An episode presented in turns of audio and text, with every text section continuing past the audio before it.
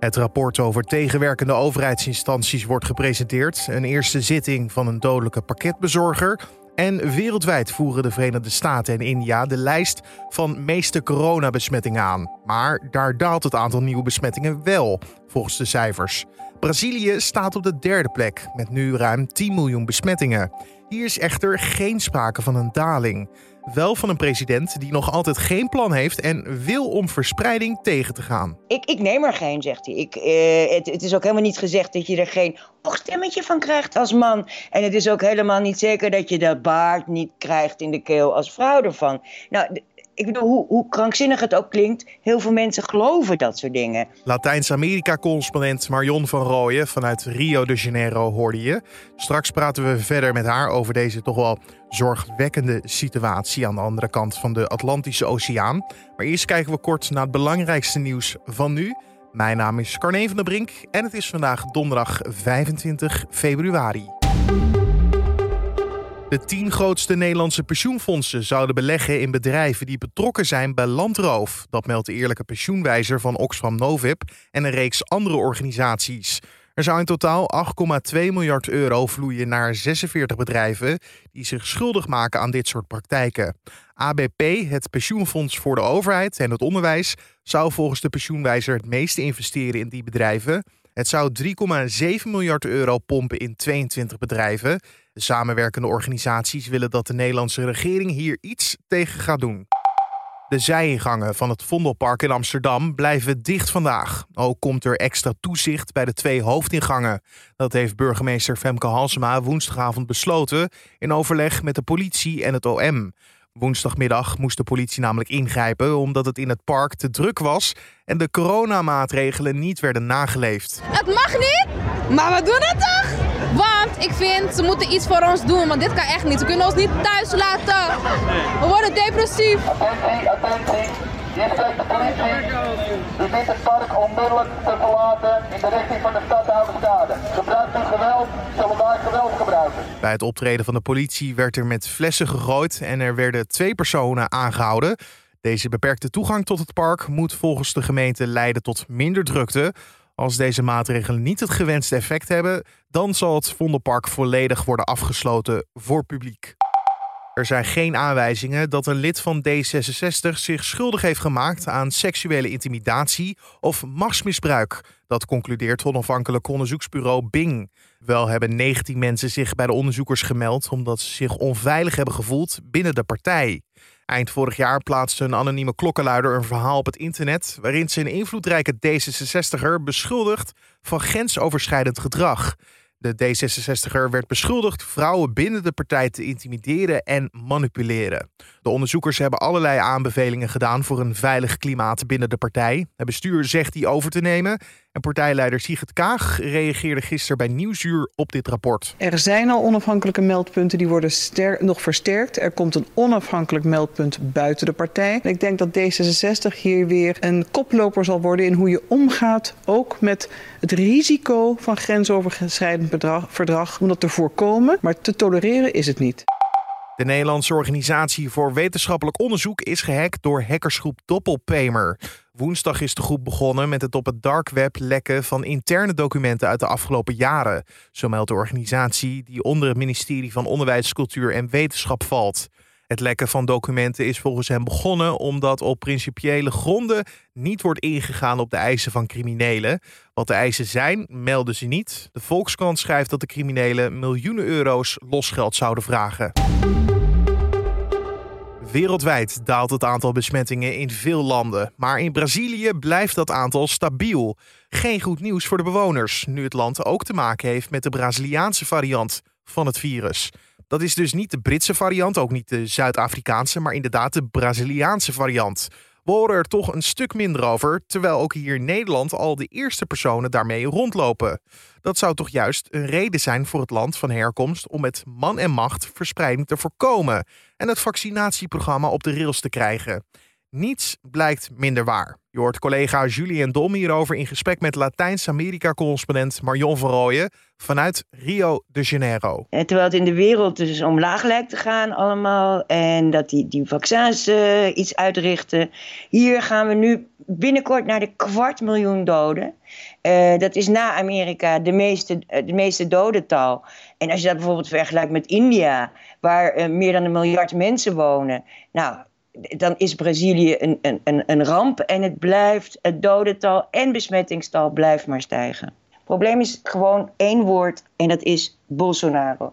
Daarmee is het hele probleem van Brazilië samen te vatten. Ik, ik ga het je toch vragen, eh, je zegt samen te vatten, maar leg eens uit. Kijk, die man is gewoon een antifaxer. Die gelooft niet in corona. Die zegt nog steeds dat het een soort griepje is. Hij heeft het zelf gehad. En uh, dat moet je als een vent overwinnen. Uh, dat soort macho-praat. Uh, nu ook, uh, dus over de, over de vaccins zegt hij bijvoorbeeld, uh, het is helemaal niet gezegd, ik, ik neem er geen, zegt hij. Ik, het, het, is ook helemaal niet gezegd dat je er geen oogstemmetje van krijgt als man. En het is ook helemaal niet zeker dat je de baard niet krijgt in de keel als vrouw ervan. Nou, ik bedoel, hoe, hoe, krankzinnig het ook klinkt, heel veel mensen geloven dat soort dingen. Dat is dan vast niet het enige voorbeeld wat je hebt. Hij zegt bijvoorbeeld, dat je een krokodil of een kaiman kan worden als je, een, als je je inent. En nou, wat, wat je dus gewoon voor je ogen ziet gebeuren, is dat opgestookt door protestante missionarissen van het staphorstsoort, zeg maar.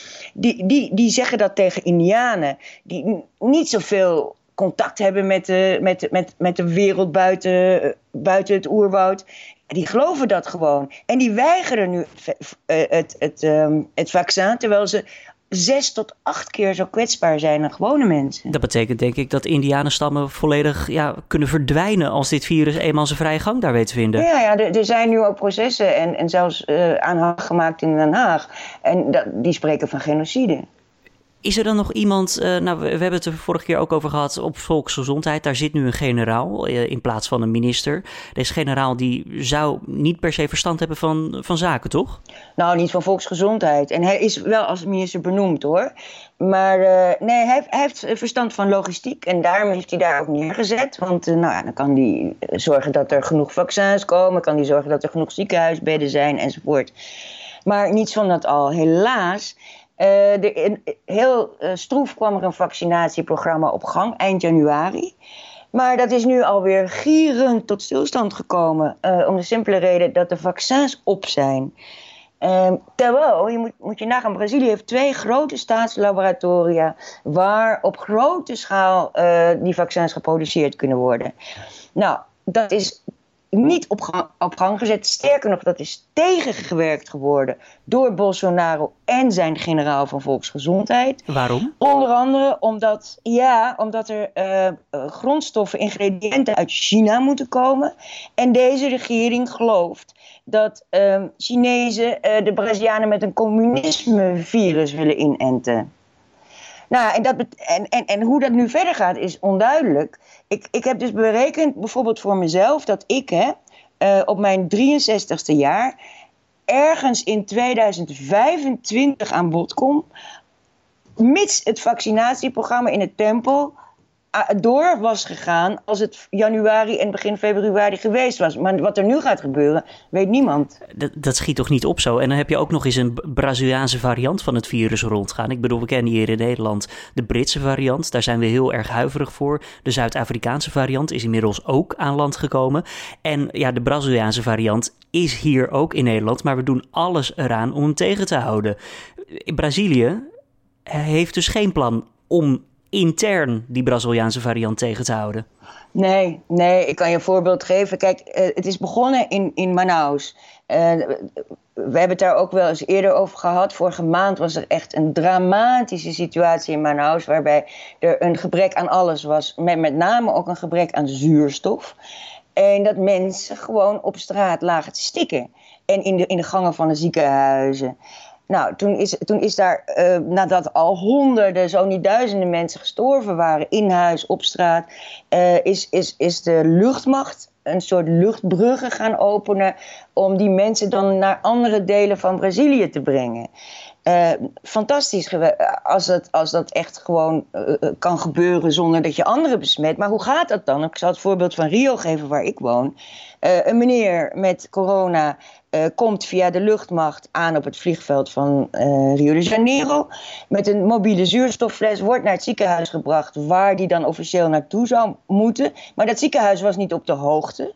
Dus die man die ligt daar in de gang met tussen allerlei andere mensen in, terwijl er gebeld moet worden. Nou, een, een volgend ziekenhuis, wordt hij daar opgenomen op de gewone afdeling. Uh, pas als zijn zuurstoffles helemaal leeg is en hij dan eindelijk naar de uh, intensive care daar kan voor de corona, de intensive care voor de corona, uh, is hij dood. Maar ondertussen heeft hij zeker al tiental andere mensen besmet met die gevaarlijke variant. En wat er, wat er ook zo moeilijk van is, die gevaarlijke variant wordt hier niet bestudeerd. En, dat ze, en uh, het is onduidelijk en onbekend ook of die vaccinatie tegen die mutatie van die, van die nieuwe variant überhaupt helpt. Dus ja, het, het, het is een, een gebed zonder end hier, je weet het niet. En dan heb je het over inderdaad de vaccins. En, maar zelfs de mensen, de normale variant gaat ook nog rond in Brazilië. En die vaccins zijn wel gewild. Uh, maar als ze er niet zijn, ja, hoe wordt daar dan mee omgegaan op dit moment? ja, en hoe, en hoe kijk, het is natuurlijk de gewone corruptie van Brazilië. Het, het, gaat, het loopt echt de spuigaten uit hoor. Want je hebt dus familieleden van politici die op hun Instagram trots laten zien hoe ze ingeënt worden. Terwijl, ze, terwijl uh, gezondheidswerkers en hele oude mensen natuurlijk de totale prioriteit hebben. Stagiaires van ma massagesalons, sportschoolcoaches, die laten allemaal trots zien op hun Instagram met foto en al hoe ze geprikt worden. Oftewel, die mensen geloven wel in het vaccin en die willen het ook gewoon krijgen en nemen. Ja, zeker. Ik bedoel, de, de, meerderheid van de Brazilianen wil dat vaccin natuurlijk. Het is met name op kwetsbare groepen dat het zo gevaarlijk is, dat het zo'n impact heeft, zoals de Indianen. Maar uh, ja, het, het, is trouwens heel gevaarlijk wat deze mensen doen. Ze laten zelfs hun kinderen inenten illegaal. En het is helemaal niet bewezen dat het voor kinderen niet juist gevaarlijk is, deze vaccins. En het laatste, uh, uh, de kers op de taart van deze corruptie, is wel het windvaccin zoals het hier genoemd wordt. Dat is een fenomeen waarbij um, de ouderen hebben dus nu voorrang hè, in de 80 en in de 90. En die familie gaat dan mee en die laat dan heel, heel trots zo'n foto zien van hun uh, familielid wat dat vaccin krijgt. En sommigen zijn dus beter gaan kijken op die foto. En dan blijkt dat er helemaal niks in dat vaccin zit. Dat er wind wordt ingespoten. Waarschijnlijk om die vaccins dan op de zwarte markt te verhandelen. En uh, ja, het is niet ongevaarlijk om uh, een, iemand van in de 80 of in de 90 een, uh, een blurp met, uh, met wind in te enten. Latijns-Amerika-correspondent Marion van hoorde je vanuit Rio de Janeiro. Dan de verdere nieuwsagenda van vandaag. De zogeheten Tijdelijke Commissie Uitvoeringsorganisatie presenteert vandaag haar rapport. De commissie nam uitvoeringsorganisaties als het CBR, het UWV en de Belastingdienst onder de loep. Er zijn namelijk regelmatig klachten of zelfs schandalen bij zulke instanties. Denk maar aan de toeslagenaffaire. De burger staat er niet centraal en wordt vaak van het kastje naar de muur gestuurd, al dus de Tweede Kamer. Hoe dat kan, dat lees je vanaf 10 uur op nu.nl. De zaak van de 19-jarige pakketbezorger Tarik O. uit Woerden, die eind vorig jaar in Wiegen een dodelijke aanrijding veroorzaakte, wordt voor het eerst door de rechter behandeld. Het gaat om een voorbereidende zitting. O wordt ervan verdacht op 24 november in het Gelderse Wiegen een 42-jarige man opzettelijk te hebben aangereden nadat hij de pakketbezorger aansprak op zijn rijstijl. Het slachtoffer overleed uiteindelijk op straat aan zijn verwondingen. En bij het monument de Dokwerker in Amsterdam wordt om half vijf de februari-staking herdacht. Het is dit jaar 80 jaar geleden dat tienduizenden Amsterdammers het werk neerlegden om op te komen voor hun Joodse stadsgenoten die door de Duitse bezetter werden weggevoerd. Zoals elk jaar is er een plechtigheid bij het standbeeld en onder andere burgemeester Femke Halsema en schrijver en historicus Geert Mak houden een toespraak. En dan het weer van Weerplaza. En je hoort van Wilfried Jansen of het vandaag weer heerlijk weer gaat worden. Vandaag beginnen we de dag op heel veel plaatsen met zonneschijn. Maar in de loop van de dag neemt eh, vanuit het westen de bewolking toe. En dat komt allemaal omdat een storing steeds dichterbij komt. De temperatuur loopt dus nog hoog op. Bereikt een graad of 10 op de Waddeneilanden. En in het zuidoosten van het land kan het op de warmste plaatsen opnieuw zo'n 18 graden worden. Verder wordt de bewolking in de namiddag en avond dikker. En zeker in de zuidoostelijke helft van het land kan in de avonduren een beetje regen vallen. Het is niet uitgesloten dat er ook wat Sahara-stof mee naar beneden komt. Waardoor morgenochtend de ruiten en je auto een beetje vies kunnen zijn. Dankjewel Wilfried Jansen van Weerplaza. En om af te sluiten nog even dit. Als jij tot de groep mensen behoort die enorm zin heeft om weer eens uit te gaan. Nou, vandaag kan je misschien je slag slaan. Om 12 uur vanmiddag begint namelijk de kaartverkoop voor een paar evenementen van Field Lab. De club die onderzoekt hoe grote evenementen veilig kunnen plaatsvinden in coronatijd. Binnenkort organiseren ze een dancefeest, een dancefestival, een popfestival en een concert van André Hazes. Maar je moet er wel heel snel bij zijn en ook mazzel hebben. Want voor alle evenementen zijn in totaal 4600 kaarten beschikbaar. En maar liefst 180.000 mensen toonden al interesse. Wil je het toch proberen? Kijk dan op backtolife.nl en dan live als in we zijn live. En dan zijn we alweer aan het einde gekomen van deze podcast voor de donderdag 25 februari.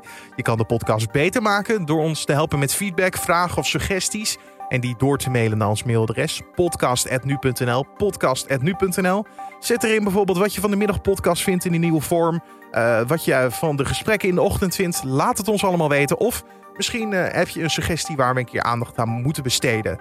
Laat het ons weten via ons mailadres podcast.nu.nl. Mijn naam is Carne van den Brink. Bedankt voor het luisteren en geniet van je donderdag.